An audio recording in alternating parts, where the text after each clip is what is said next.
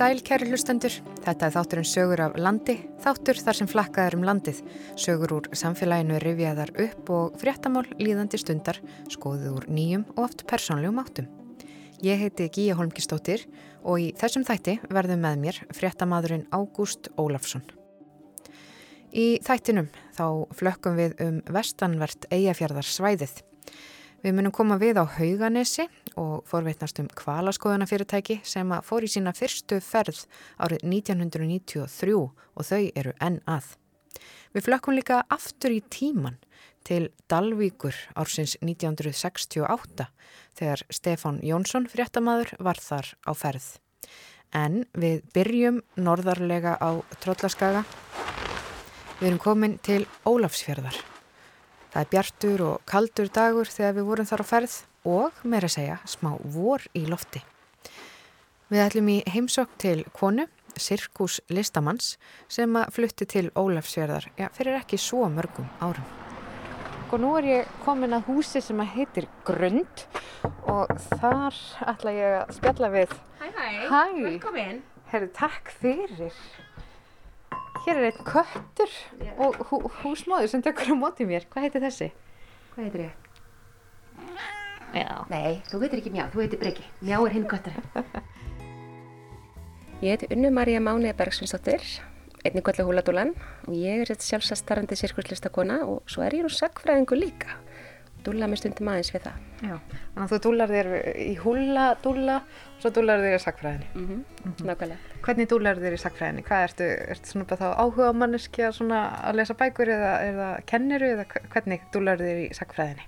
Sko, ég, hef lít, ég var, var mikið að kenna hérna áður og þá var ég ofta að koma inn í til dæmis ingangskursa upp í háskóla hjá sagfræði, þjóðfræði, fortlegafræði, mannfræði og þá var ég að tala sérstaklega um munlega sögu því það er mín sérgrein. Ég var sérstaklega uh, verkefnistjóri hjá miðstöð munlega sögu upp í landsbókasafni í mörg ár. Þannig að það er einmitt svona að taka viðtöl, vinna úr viðtölum, hvernig nýtast viðtöl í rannsóknir og svona hitt og þetta, það er svona mitt sérsvið. Um, en sem sakfræðingur hefur meira síðustu ár verið að vinna með að vastisverkanum mitt sem var að mitt viðtala rannsókn en á að pönksögu Íslands. Þannig að ég hef sett upp hérna síningu um disko í árbæðisafni í samstæðan okkar aðra sem mikið notið í kennslu. Já. og svo hefur við með sögugöngur í samstæðu við Reykjavík og Borg, samstæðu við hérna Reykjavík Friends Festival. Og eitt mjög skemmtilegt verkefni sem tók að mig var að þegar Hlemmu var 40 ára þá gölluðu þeir í bönksakfræðingin og hérna og þá held ég fyrirlestur um bönkið í eldgömlum strætó sem kerði með þá sem voru að hlusta á bara upp laugavegin og einhver svona leiðir sem að það getur farnar í strætó mjög lengi það var hérna, já þannig að ég og svo er ég núna undirbúa fyrirlestur einmitt um bönk og disco fyrir menningarrættu hátíð á Austurlandi núna um páskana Já. Þetta er mjög áhugavert en, og pöngið þetta og mikla rætur líka hérna til Húsavíkur og hérna Norrlandinu, eða það ekki? í sko að minnstakastu önnubylgja pönks Já. en fyrst sko ég var einmitt svolítið að horfa á þetta í rannsókninni minni að því að þú veist ég, ég kem sjálf ut, utan að landi, ég kem frá borganessi þannig að ég er mjög meðvitið um það að, að, að það er einhver mískilningur að allt byrji, allt öll menning byrji í Reykjavík. Og ég komst að því það hafði verið tölverð sko pönksina lítil en mjög öflugsamt á Akureyri. Þarna 1978-1979 og meðlumir sem sagt í raun og veru það voru nokkri gæjar sem byggu þar saman. Voru með svona lilla punk-kommunu og meðlumir úr þessum hóp endur síðan í hérna Snillingun sem er eitt fyrsta punkband Íslands. Og svo þarna meðal annara var líka Steindor í, í Freblónum sem er líklega svalasti af öðrum ólöstu, mikið af kúl fólki í þessari sinnu en, en hann tók nú svolítið kökuna með lukkinu og attitútinu og, og líka góða tónlistamæður. En frá pönginu þá skulum við halda hérna yfir í að ræða um Ólafsfjörð þar sem við erum stattar núna í húsinu þínu. Húsi sem heitir Grund og er beintamóti menningarhúsi ykkar Ólafsfjörðinga, uh, Tjarnarborg. Já. Af hverju, og þú ert ekki hérna frá Ólafsfjörði og átt ekki neina rætur, af hverju fluttustu til Ólafsfjörðar? Eru margir sem spyrja þessar spurningu? Já, allir. fólki, og sérst, sérstaklega fólki hérna reynda, þau, þau, þau, þau voru mjög ánægiskildi að flytja engað, en, en það skildi eiginlega engin í því af hverju einhver kona sem að, þek, ég þekkti nefnilega engan hérna þegar ég flytti. ég, ég kannaðist við nokkra því að ég hefði komið yngað að kenna áður var búin að hitta eina fórstuðumann íþróttamannvirkjana og einhverja tvær, þrjár aðra manneskjur en, en ég þekkti þekkti engan eina, hafði enginn tengst mér leist bara svo rosalega vel á ennan bæ og fjöllin og húsið auðvitað. Ég, það hefur heiti grund í næstu hundra ára en, en ég er að gera það upp núna. Þá ætlum ég bæta við aukaskilti að ég, ég skýrði þetta hús hamingjuhöllina og hefur gengið eftir. Mikil hamingi að vera hérna. Já En þú hérna sagði mér á þann að þú hefur eh, verið orðin þreytt í, í 101 Reykjavík og hafi viljað aftur fara út á land og, og þú gerði bara markvist það var bara svona verkefni hjá þér, markvist að koma þér ekkert og, og í framhældur endari hérna á, á Ólasöru segð mér aðeins þessa sögu. Já, þetta, sko þetta var þannig að, að ég hérna voru 2018 að hugsa, já já ég er nú alveg bara stór stelpa á ef, ef mér langar svona mikið að gera eitthvað eins og að flytja út á land og er búin að hugsa um það í mörg ár þá bara má ég alveg gera það og áttaði mér svolítið á því að starfsemi væri þannig að ég væri ekkit bundin að ég vera fyrir sunnan það eru auðvitað tækifærlega harka meira þar en það er fólk og börn út um allt Ísland sem hefur gaman að sirkus. Þannig að ég hugsa, já já, þetta sömur þegar ég fer með vikulöngu námskið fyrir börn út á landinga og þangað, þá ætlum ég bara að fara að skoða hús. Og svo fór ég að skoða hús. Og skoða staði, skoða kílometratöfluna á vegu vegagerðarinnar um lengtir frá hinnum og þessum stað til, til annara staða og svo framvegis. Og svo var ég með að kenna einn á Sigluferði ég minn er að vera í júli 2018 og var að gisti þar hjá Má og Stínu vinafólki minnu og svo kemur Már heim og vinni daginn og ég setja hana fyrir utan og er að kvíla með þetta í kjensludagsins og, og var að lesa fastegna hérna vefinn og líti upp og segi, herrið er að rulla með mér hérna yfir á Ólarsfjörða að kíkja á hús og við skoðum húsi á auðan og mér leði svo vel að það að ég hérna pantaði tíma alltaf að skoða húsi og svo þegar ég á búin að vera inn í húsinu fimm myndur þá ákvæði ég bara að þetta væri hamingjöðlin mm.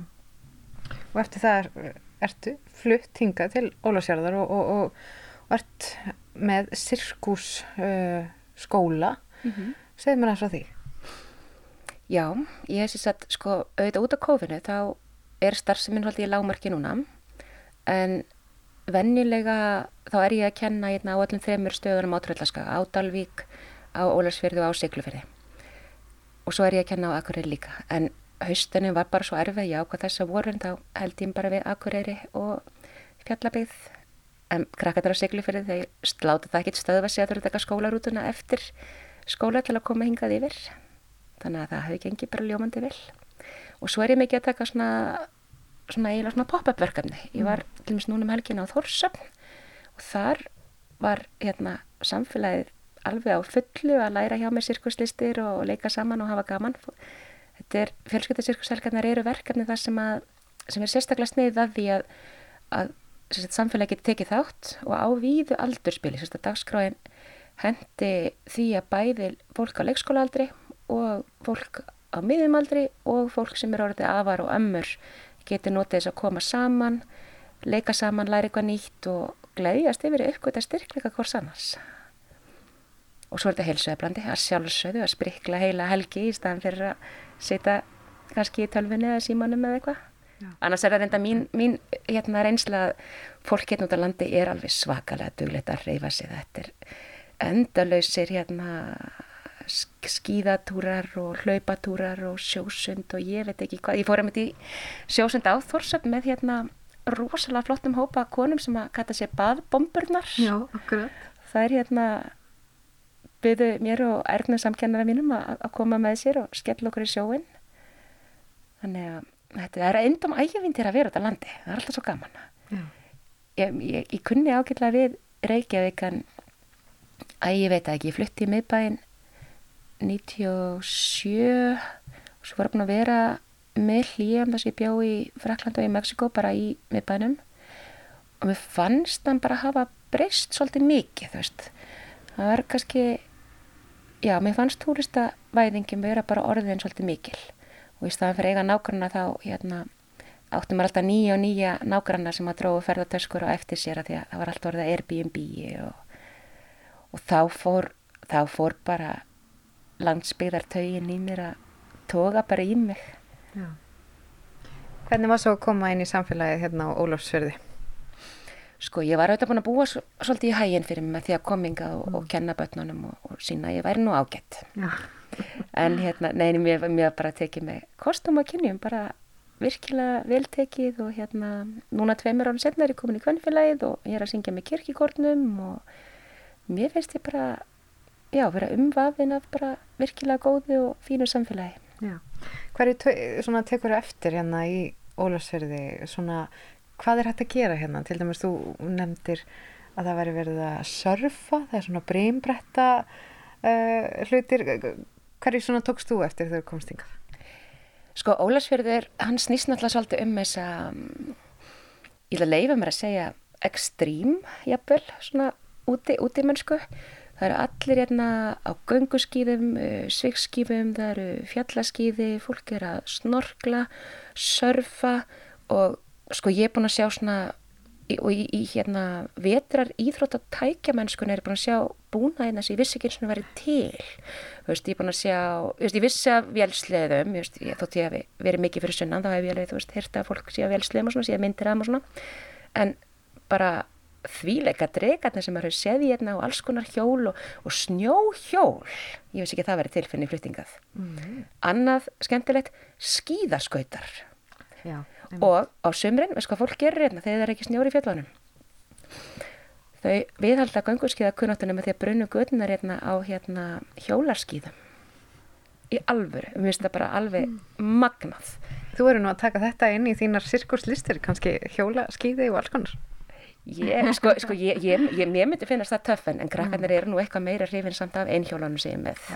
Þeim finnst það eitthvað meira sport, líklega þeir eru vun hinn og svo er fólk hérna veist, það, er, það er sjósundi, það er alls konar hérna veiðisport og, og svo er mikið af fólk hérna sem er bara full í rættinni uh, það er vastleikving í gangi í sundleginni það er að fara í flóttíma það er jókastúdíu hérna, velfalið en það eru tíma tviðsvar í viku e, zumba, krakkarnir að gera fullt, geta verið jazzballett, geta verið sirkustímum, það er fókbólti, það er blag, það, er, eru bara mm. allir hérna, að hreyfa sig. Já.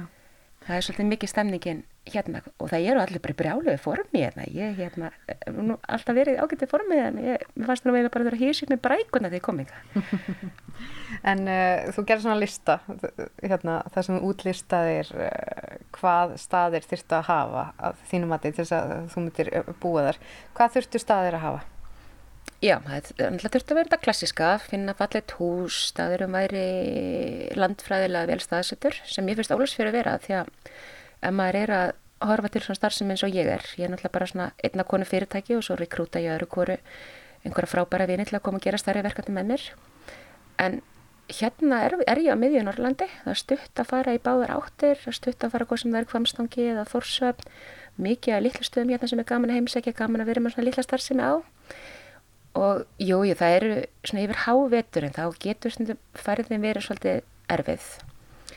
En þá í staðin er ég kannski bara ekki það skipulegin að dóttalegt flandur mm. á tímabölu november til februar og en það sem skiptir mestu máli, jú, svo þurft að vera sjór.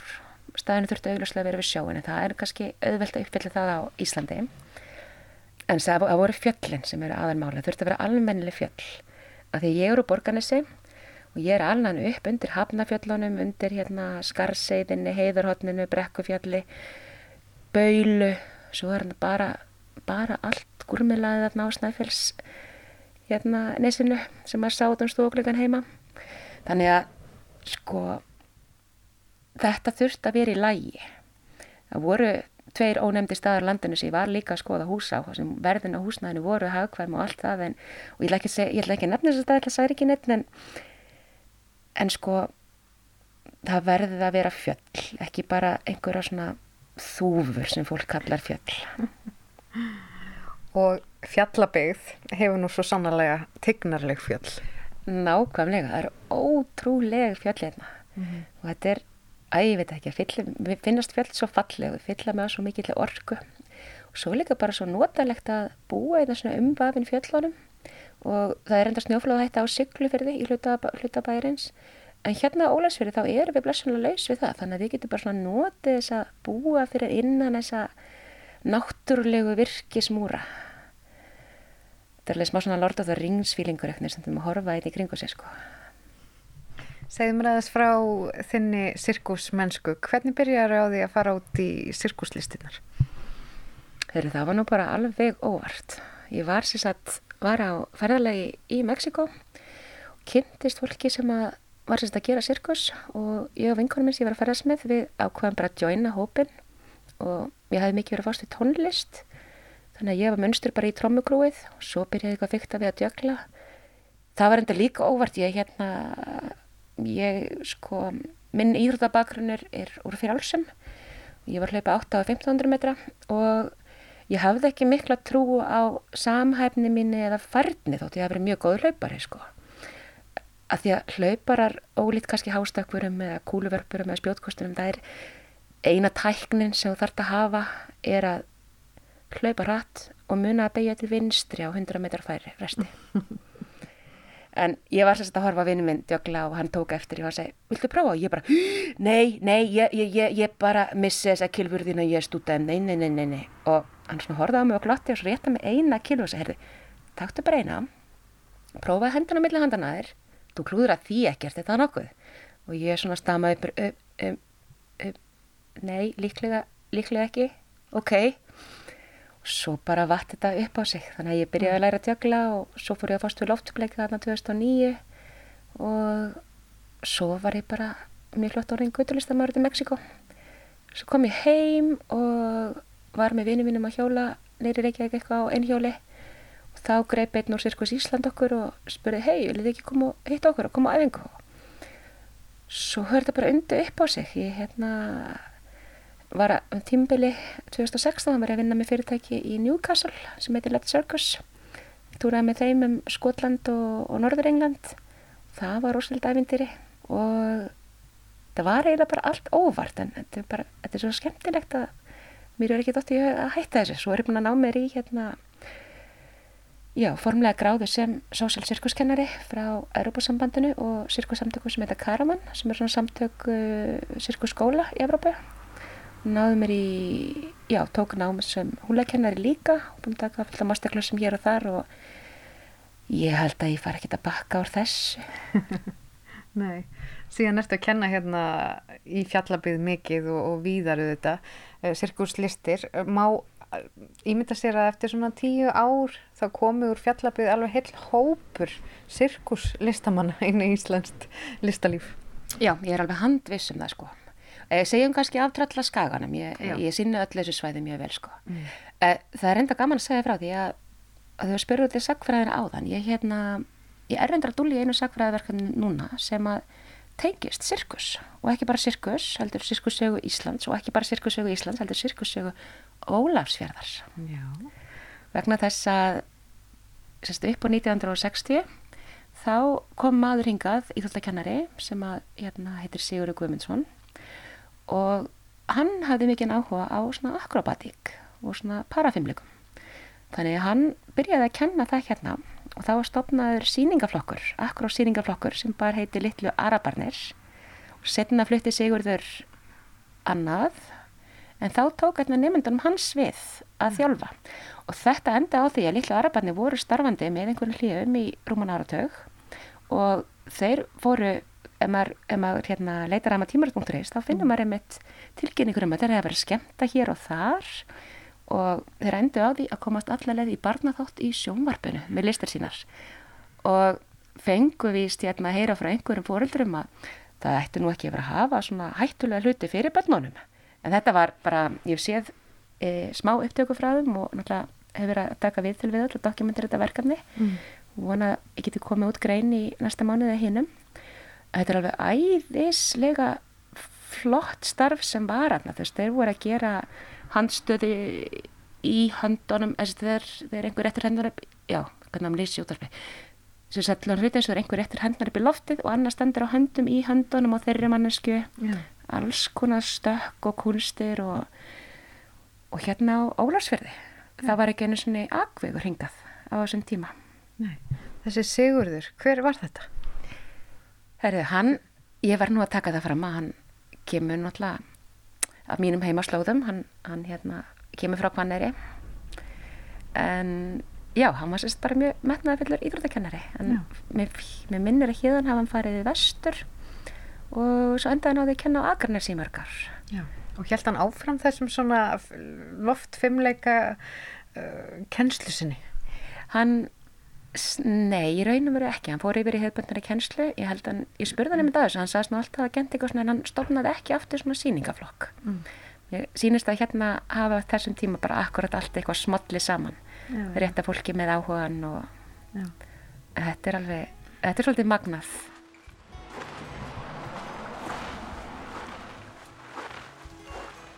Frá Ólasfyrði höldum við til Dalvíkur. Keirum í gegnum Múlagöng eða Ólafsfjörðargöng, einbreið göng sem að liggja í gegnum Ólafsfjörðar Múla og listu af hólmi hinn erfiða Múla veg. Göngin voru tekin í nótkunn í desember 1990 og fyrst við erum á leið frá Ólafsfyrði til Dalvíkur þá er hefnin sko aldilis með okkur af því að við getum brunað áfram áhyggjuleus í gegnum þessi 4,3 km löngu göng, einbreyðu göng á meðan bílarnir sem koma á hinni áttinni þurfa að víkja fyrir okkur í þar tilgerð útskott sem sprengt voru inn í bergið með reglulegu millibili. Já, fyrir aukumenn sem eru óvanir eh, svona göngum þá getur þetta sannarlega tekið á en kannski tekur þetta mest á heimamenn sem að lenda fyrir aftan slíka bíla. En nóg um það. Við höldum áfram í átt til Dalvíkur og við förum í ferðalag aftur í tíman. Aftur til sumarsins 1968 þegar fréttamaðurinn Stefan Jónsson var á ferð á þessum slóðum. Við byrjum þennan dag á Dalvík á miðjum, loggkyrrum og skínandi björtum morni. Fyrsti Dalvíkingurinn á vegi okkar er strákur á að gíska nýju ára og aftan við hann annar á að gíska átt ára. Þeir eru nauða líkir, báðir freknóttir og meiri segja báðir flumbraðir sinn á hverju nefnum. Sá fremri stendur á vegarbrúninni og helsar með einhvers konar mákveðju líklegast að byggja okkur um far svo að við stönsum bílinn, opnum hurðina og segjum sem svo Átt í bæinn? Hæ? Hvert er þú að vara? Ekki neitt, ég er bara að hilsa það svona. Ég held að vera að byggja um far. Mm. Heyrðu, hvar fyrstu þetta blóð á nefið? Ég dætt. Kemur það oft fyrir þig að þú dettir? Já. Ég sko, ég var að lappa og ég horfið svona upp og var að horfa flug og svo dætt ég á hjól. Er þetta bróðurinn þessi þannig? Já. Mér sýnist hann hafa dotti líka. Hann dætt á hjólinu sínu. Þannig geta góðir bræður á Dalvík sem sagt flemflað sig á báðum nefjónum í sömu bildinu á sama hjólinu og ég er ekki vissum að þeir gera það mikið betur annar staðar. Nú það verður mér til ráðs þegar ég kem ákunnugur til Dalvíkur að leita upp í Stengrim Þorstensson, kennara. Það hefðu góðir menn ráðrætt mér til þess, ef svo má segja, að leiða mig inn í staðin. Stengrimur, þú ert fættur hérna, er það ekki? Jú, ég er fættur hér á Dalvík. Og svardælingur í eftirfram? Já, eftir því sem ég best veit. Er það nóg að vera fættur í dalnum til þess að heita svardælingur? Já, já, já. Sumstaður eru gerðar þrángari kröfur eins og það veist. Nei, nei, við kallum svardælingar sem að hér eru fættir og, og aldir upp svona mestu. Það kallum við. Dalvík er ekki gömul, er það? Nei, þetta, þetta er ungtorp. Þetta er ungtorp. Ég er nú náttúrulega, mm, það er allt í gammal að verða, en ég man hér eftir afar fáum húsum þegar ég var drengur. Afar fáum. Séð þau mörg hver rýsa? Já, mörg hver. Nokkur voru hérna og mér fannst mikið til um þau og var hansi stoltur af þeim eins og vera ber en síðan hafa náttúrulega komið mörg mikið glæsilegri eins og eðlilegt má telja. Ekki eru þeir nú á lífi sem fyrstir fættust hérna verða? Jú. Fyrsti maður sem hér er fættur á Dalvík í íbúðarhúsi og af foreldrun sem hér tóku sér fasta byggð eða búsetu hann er enn á lífi. Þetta er Þetta er mjög, mjög stutt saga það við getum sagt að hún hefjist um aldamót, síðustu aldamót. Þá er, er byggt hér fyrsta húsið og síðan fer þetta náttúrulega mjög hægt á stað. Þannig að 1930, ég veist sko að segja 34 þegar ósköpinn dundu hér yfir og miklu jarskjálti var. Þegar að, að jörðin alltaf að hrista þessa byggð af sér. Já, þegar hún alltaf að verka þetta burt sem betur fór tókst það nú ekki. Þá voru hér að vísu nokkuð nýbyggð steinhús en þau voru fá og fóru líka mjög illa. Sem betur fór voru ekki fleiri þá. Þetta voru óskaplegar jarðræringar, var það ekki? Jú, jú, þetta var nú talið við stansi mikið að fróðra manna sögn. Varst þú hérna þá? Já, já, ég var hér stattur og um, var nú svo heppin eða óheppin að hinga rakst uh, Sigurður Þórarinsson, jarðfræðingur og við um, tókum þetta ráðs að sofa í útihúsi, sjóhúsi. Ja. Það var uh, játklætt hús á tregrind og létt mjög hátt þegar að kippinni dundu yfir það söng þá. Að vísu sá ég nú á prenti í fyrra eftir Sigurði að hann hefði heyrt í köttum þessa nótt og, og það hefði verið ástalhljóð þeirra sem, að, sem hann hefði vaknað við. Ég tel að það mun ekki hafa verið þessi ránkermi hjá honum. Uh -huh. Þetta mun hafa verið einhvers á reyður um jarðar þessi, þessi hljóð.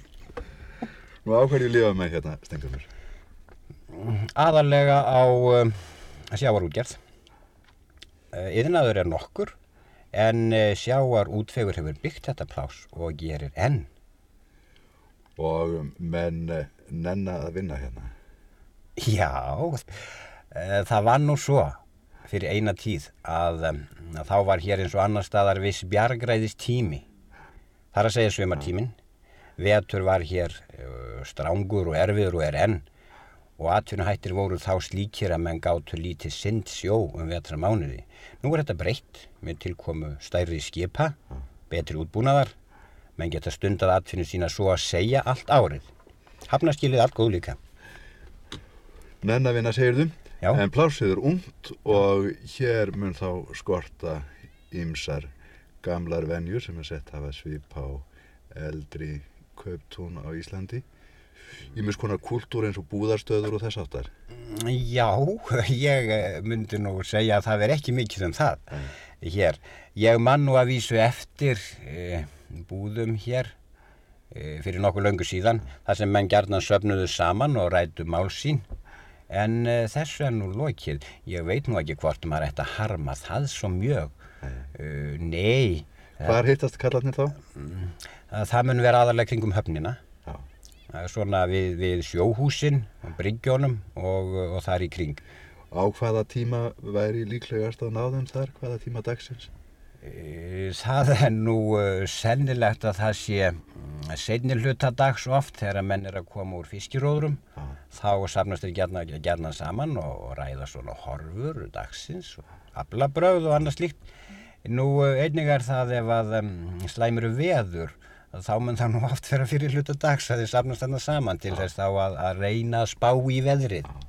Undir húsveikjum þá? Já, undir húsveikjum, við það skuld undir húsveikjum. Nú ég sé ekki betur heldur en að menn séu nattnir við loðirnar kringum húsinsi hérna.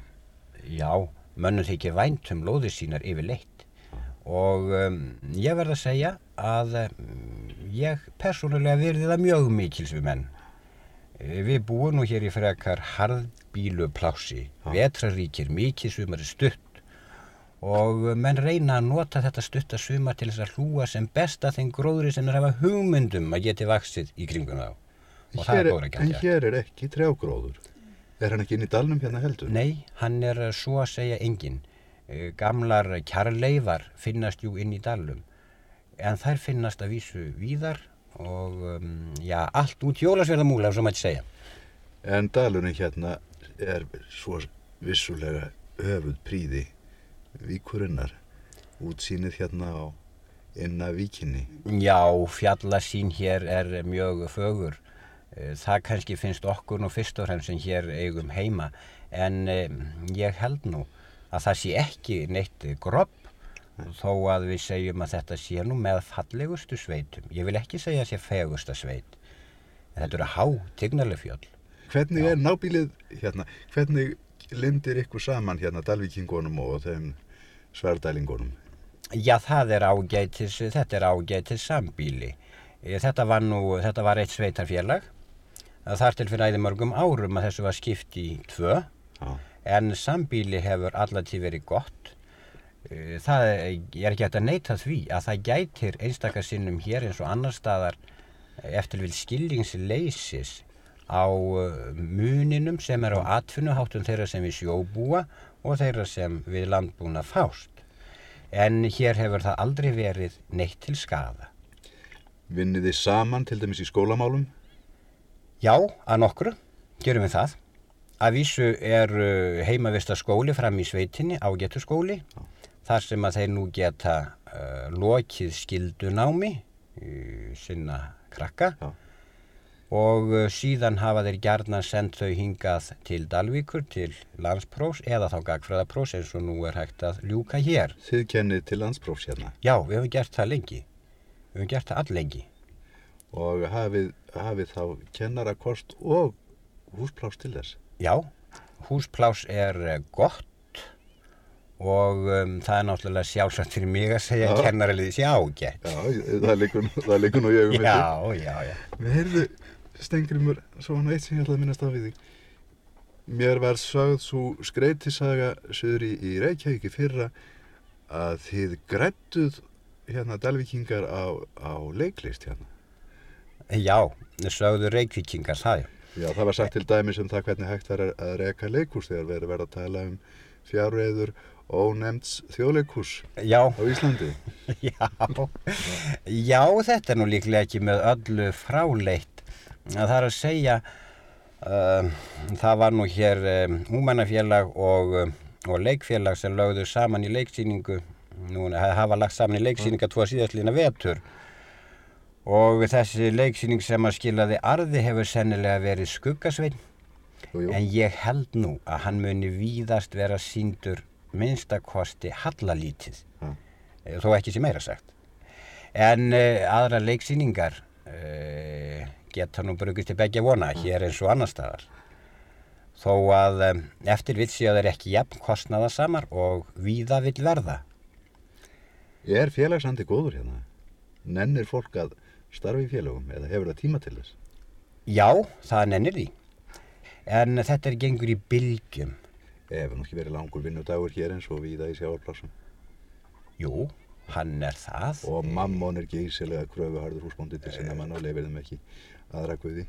Nei, jú, jú, þeir, jú, jú, jú, jú, hér eru, hér eru aðrir guðir hafðir í miklum áhegum, þó að vitaskuld eigi hans sitt eh, sæti meðal manna eins og vera ber, það er nú sem gefið mál, en um, það er nú svo að eins og ég sagði áðan, þá er nú þetta ekki jafn tímabundið og það var áður fyrr, þá eru menn að leggja nótt við dag, gera það nokkru en, en e, það er ekki eins áberandi eins og fyrir meir. Og ég þarf ekki óttast það að fólki hér standi stuggur af aðkomumönnum. E, Nei, það tel ég að sé ekki nokkur hætt á. Menn er yfirleitt ekki mannfælir hérna. E, Það er síður en svo. E, Það er nú líka búið að sjá fyrir því með, með til dæmis Ólarsfjörðar vegi að við erum komið hér í miklu meiri umferð þannig að við verðum mannvanari en áður var Já. og um, ég held að það, nei, það þarf ekki óttast. Hvað er lengi ekki til Ólafsfjörða hérna? E, Það fennur náttúrulega eins og annar staðar eftir því hversu hart er ekið. Þetta er 18 km leið. Já. Og vegur góður. Já, vegur mjög góður. En til höfustæðarins, ef ég má nefna Akureyri því nafni hér í Dalvík. Já, það er nú svo. Það er um, 45 km leið til Akureyrar. Uh, Um höfustaðanafnið er okkur nú ekkert mikið gefið. Að vísu verðum að viðurkenna það að þetta er mikil bær og ágætur bær og okkur til styrtar og marga lund. En, uh, en þá viljum við helst ekki kannast við hann sem neitt höfuðstað.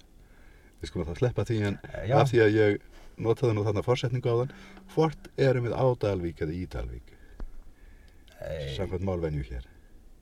Mér heyrist nú að útvarpið oftast segja í Dalvík.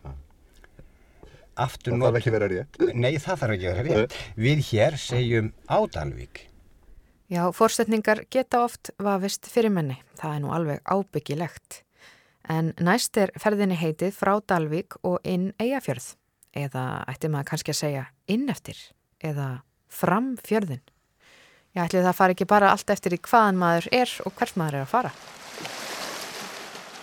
En við stöndum núna í fjörunni á Hauganesi. En Hauganes er eitt af tveimur þorpum á Árskór strönd. Hitt þorpið er Árskós Sandur, það sem ferjan Sævar flytur fólk og varning til og frá Hrísei. Á Hauganesi og Árskók Sandi snýst lífið aðalegum fiskveiðar og fiskvinnslu. Jú og síðan er það auðvitað ferðamennskan.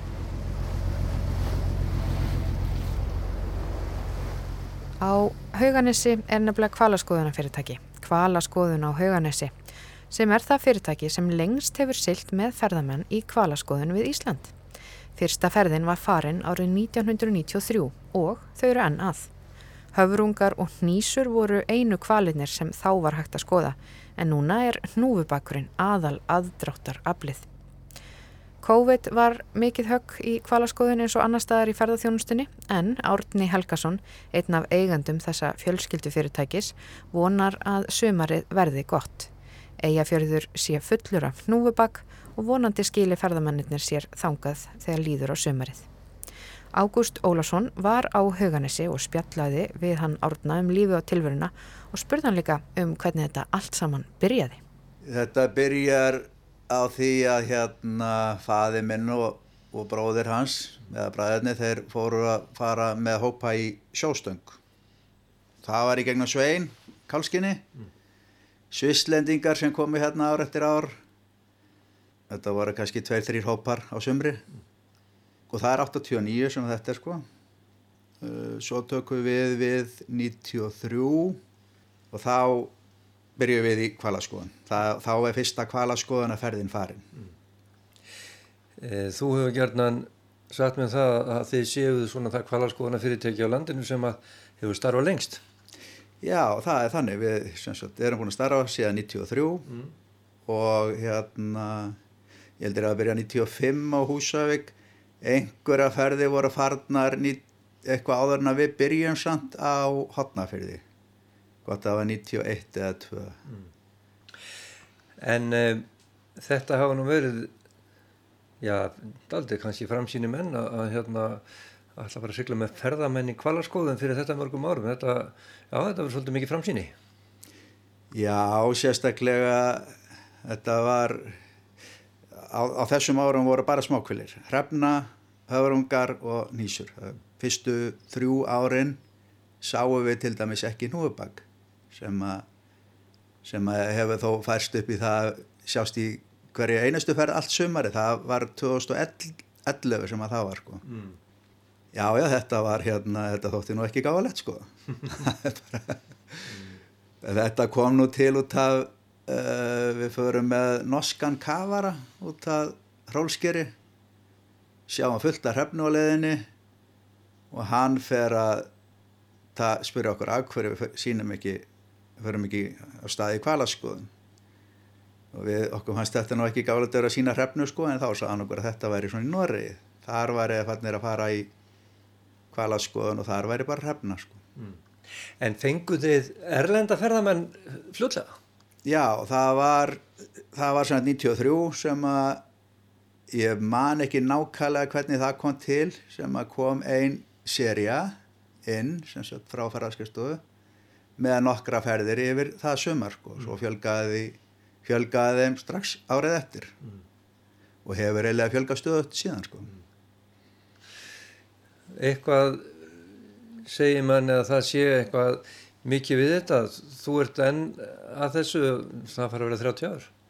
Já, ég verð nú bara viðkynna þegar ég fer í þessa fyrstu ferð núna eftir, já hvað, fimm mánuða pásu held ég. Mm. þá var maður bara mjög spenntur sko, þetta er bara mjög skemmtilegt starf. Mm. og hérna þetta koma ferðir innan sem að, maður vil kannski gleyma sko. En, en yfirleitt er þetta mjög skemmtilega ferðir En þetta hlýtur nú að hafa verið þarna til að byrja með þá svona þessi ferðamannið innaður þá til hlýðar og endalega við eitthvað meira. Þið, þið voruð í útgerð og, og að veða fisk og gera fleira þá. Já, þetta kemur náttúrulega í kjölfarið á því þegar kótín er settur. Þá er lítið, þá er útgerðin uh, kannski bara 4-5 mánuði á ári sem sett í fiskveðum mm. Og það, og báturinn bundin yfir sumarið og það var svona kveikjanaði að gera eitthvað annað sko mm. eða sem sagt þá fór þetta að passa miklu betur inn í með, með fiskveðunum sko mm. Af hverju Heldur þú að, að hérna, þessi staður hér Haugarnes, uh, akkur hefur þetta haldið svona lengi hér? Eru þið á að, svona vel staðsett til þess að, til þess að geta sótt og séð kval? Eyjafjörður er náttúrulega mjög góður staður til að sigla um og skoða kvali. Það er skjólsæl. Það þarf að vera há norðanátt til að komið þessi útaskvika sem er svona vesti óvinnur þeirra sem að verða sjóeikir sko. Og það er í mörgum árum, það er oft sagt, sem að við erum að sjá kvali áður en við leggjum í hann í svona 70% ferðar sko. Mm. Við vitum bara hvert við eigum að sigla. Mm. Getið þið metið að hérna úr landi, bara með kikki og öðru, hvar, hvar kvalurinn er? Er hann, sjáuð hann hérna? Það er bara mjög gott hann, sko. Mm. Mjög gott. Stundu fyrir við líka rúnd einhvern, inn fyrir eða, eða út fyrir eins og við kallum það, sko. Mm. Og leitum bara át um bylglögan, sko. En e, þetta hefur, hefur vaksið mikið og, og þú sagði mér áður um byrjum með spjalla að þið eru núna hættir hættir útgerðinni þar að segja hættir að, hættir að gera út á fisk og, og hafa alfarið snúið ykkur á þessu hvað er þetta umfáðsmikil umfáðsmikil rekstur hjá ykkur í dag? Já, 2016 sem við hættum sem fiskveðum mm. og þá kaupum við annan eikabat, við erum með tvo sagt, í dag mest höfum við farið með sem var 2019 ég held að það hef verið eitthvað um 18.000 farþegar sem að hérna komið það árið sko. Mm. og síðastliðin vettur þá eða stemdu við á að sigla allan vetturinn en, en svo kom náttúrulega þessi veira og stoppa okkur í byrjun mass sko. En fram að þeim mánuði sildu við alla þá daga sem var fært. Fóruðu fljótlega að sigla allt árið? Nei þetta er eiginlega eina ári sem við stemdum í að sigla allt árið mm -hmm. annars vorum við að sigla fram í november og byrjuðum ekkert fyrir í mæ sko, með sagt, svona fastar ferðir og það vantarlega vegna þess að ferðamanna yðnaðurinn og, og, og e, koma elendra ferðamanna hefur vaksið svo, svo gríðilega Já, hún er náttúrulega það var til dæmis bara 2016 aukningin þá á ferðamanni til landsins var eins og allur turistinn 2012, fjórum áram áður sko. Þannig að þetta, þetta var ekkert smá sem þetta bætti í ár eftir ár þarna á þessum tíma sko. Mm. En faraldurinn fór illa með okkur segir þú og, og, og auðvitað ferðarþjónustunum alla og maður sér auðvitað hvað skona fyrirtækinn hér í eða fyrir því og húsaði góðstæðar hafa hann bara ekki trefftið mánuðin saman. Fór þetta illa með okkur? Jú, auðvitað gerir það það. Ég held að uh, ég held að síðasta ár sé svona einhver 22% eh, á móti árinu þar áður sko mm. þannig að jú, jú, þetta er, þetta er erfitt mm. það er nýst bara um að halda sjó mm. Og ykkur hefur vantilega tekist það nú, nú þeir eru búin að fara núna fyrstu ferðina saður mér síðan bara einhvern tíman snemma síðast ári Ég held að það veri síðan í sko ég hvað það var í lok september sem við fórum síðustu ferðina á síðast ári mm.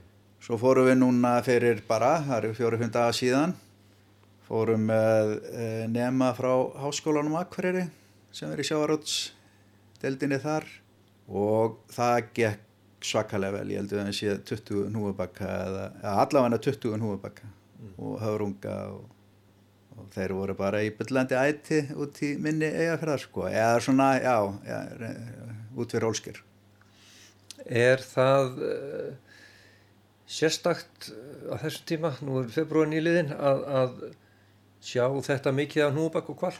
Já, það er nú sérstakt því að það er vel eitt þegar að þessi tími er komin þá, já svona allavega mass og april eru yfirleitt erfiðustu mánuðinir að finna hval hann hérna þetta er nokkuð örugt sko allt haustið og fram yfir áramót fram í februar en, en svo kemur oft auðu tími.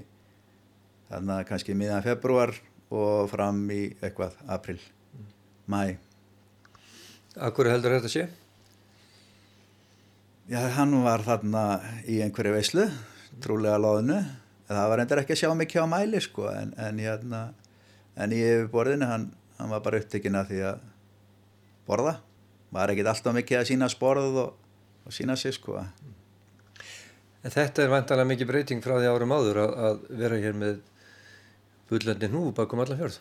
Já, núabakkurinn var nánast útdauður er friðaður held ég 1950 og eitthvað, 2 eða 4 og það er eiginlega ekki fyrir 1980 held ég sem ég fara að mæla svona einhverja aukningar á því mm.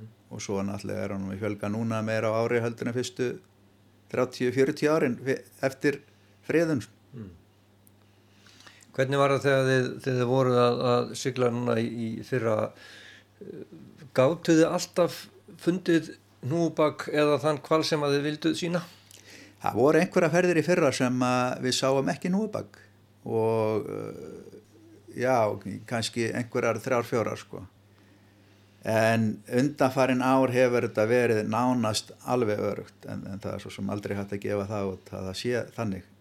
En en í fyrra það var einhverja ferðir held ég, já, tvær, þrjár, fjórar sem, sem við vorum ekki að sjá nú upp ekki. En nú en mars nýbyrjaður og ef allt væri eðlilegt þá værið þið vant að búin að sykla í allan vetur með, með ferða fólk og allt það en eh, ég heyri það á kallarskona fyrirtækjanum að, að það eru lítiumbókanir og, og þetta fer hægt að stað. Hvernig horfur þið núna fram á næstu vikur og, og manniði? Við erum, plani hjá okkur er að við munum ekki byrja fyrir í mæ. Mm og uh, það eru nánast engar bókanir, maður rekkur eiginlega við ef að, ef að kemur inn bókun sko, það er, það er kannski, ég veit það ekki, einn, tvær í viku eitthvað, eitthvað svoleiðist núna sem að bókanir er að koma inn. Þú segir í mæ og þá, þá með, með áallaða ferðir á hverjum degi en verður eitthvað fram að því, einhverju hópar eða þess að þar? Ekki sem eru bókaðir mm. en vonandi að verði einhverju hópar við höfum undanfærin ár farið tölvöld með skýðafólk hérna yfir á Látraströndina sem sagt silt yfir skuttlaðum á litlum bát í land mm. þar og sóttu svo setnaðu um daginn hópana sko maður er að vona að verði eitthvað svo leiðis í ár en það er ekkert það er það pantanitt ennþá sko mm. Hvernig lukkaðist hjá okkur síðasta sumar þegar að Íslendinga voru kvartið til að ferðast innanlands og gerða það sannlega fjölskyldur sem fóru til útlanda bara ferðust heima hjá sér. Hvernig, hvernig kom það át? Það kom ótrúlega vel út. Í júlið fóru við með 2000 farþega og það var yfir helmingurinn að þeim Íslendingar. Svo, svo reyndar var ágúst þá var það hérna, meiri lutin orðin útlendingar aftur sko. En svo fjarar þetta bara út í september. Heldur það þetta skilir sér aftur heldur að fólk haldi sér við Ísland aftur? Já, það verður sama staða núna í sumar og í fyrra þá held ég að verði, já, söpað bara mm. Íslendingar að meiri luta allavega til að byrja með sko mm. En hérna hugarnas er e, það, það, er, það er mikið byggt á ferðarmennskunni, þetta er orðið já, já, nánast ferða þjónusta hér út um allt og útgerðin kannski orðið mjög lítil með það sem var áður. Eh, hér er líf og fjör í þessu litla þorpu þegar það vel gengur. Þetta er náttúrulega ótrúlega breyting sem hefur orðið hérna síðustu árum. Það er náttúrulega veitingastæða bakkalá og það eru pottarnir sem er upp í Sandvíkfjöru sem hafa þvílít sleið í gegn. Já, þetta snýst nánast allt um ferðamenn. Það er þó vinsla hérna eða þá sem er ekta fiskur sem er hérna það eru trúlega einhver 6-8 störf þar allt ári sko. Mm. en annars þetta bara, snýst þetta bara um ferðamenn. Þannig að þetta þorp treystir heldur betur á, á, á þennan bransa og, og mikið högg fyrir ykkur þegar að, þegar að faraldurinn rýður yfir?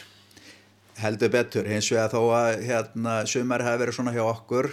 Við vorum eða síðasta ár með kannski bara 20-25% af árin áður. Mm. en það var mjög mikið að gera í, á bakkalápar í, í fyrra sumar sko. Íslendingarnir voru mjög duglegir að koma hérna í pottana og, mm. og, og, og koma og fá sér að borða á þessum flotta veitingastað sko Áttin, hvernig er það með, með ykkar fyrirtæki fjölskyldu fyrirtæki, rótgróið búin að vera hér í ferðamanna bransanum í, í áratvíi. Eh, þú sagði mér að það kom svona glamp í huguna og þegar þú veist að tala um það þú fegst loksins að fara eina, eina kvalarskónaferð. Þið eru ekkert að hætta þessu? Nei, nei, nei. Nei, nei. Ég held að kvalarskónan verði stundu hérna frá hauganessi næstu aldirnar held ég. ég held það sko. Nei, nei, við hættum þessu ekkert. Ef þetta taka einhverju við á okkur einhver tíman. En þetta er komið til að vera. Þannig að þetta, þetta verður áfram í fjölskyldinni? Ég ætla bara að vona það, að það verði þannig sko. En hvað er framöndan næstu vikur? Núna erum við bara svona aðeins að dunda okkur við að gera klart fyrir sumarið en, en hérna förum bara mjög rólega í það sko. Það er, það er svo sem ímislegt alltaf sem þarf að sem að þarf að halda við og, og annað sem á betrum betta og svona. Mm. Þannig við erum bara í því róleitum. Þetta eru mjög rólegi dagar og náður hjá okkur sko. Mm. Við skulum vona að það verður mikið mikið ónæði á trafík þegar það líður á sömarið. Já, vonandi að maður hafi ekki tíma til að fara í lagsveið eða leika sér. Sko. Ágúst Ólusson fréttamaður rætti við Árna Helgason á Hauganesi í Dalvíkur byggð. Og í þessum þætti þá var einnig flutt við tal Stefáns Jónssonar frá árunnu 1968 þar sem hann rætti við kennaran Stengrim Þorsteinsson á Dalvík og við fórum einnig í heimsókn til sirkuslistamannsins unnar Marju Máneyjar Bergsveinsdóttur á Ólafsferði. Og þar með er komið að lokum í sögum af landi. Tæknimaður í þessum þætti var Lítiða Gretarsdóttir. Við þökkum þeim sem hlýttu. Livið heil.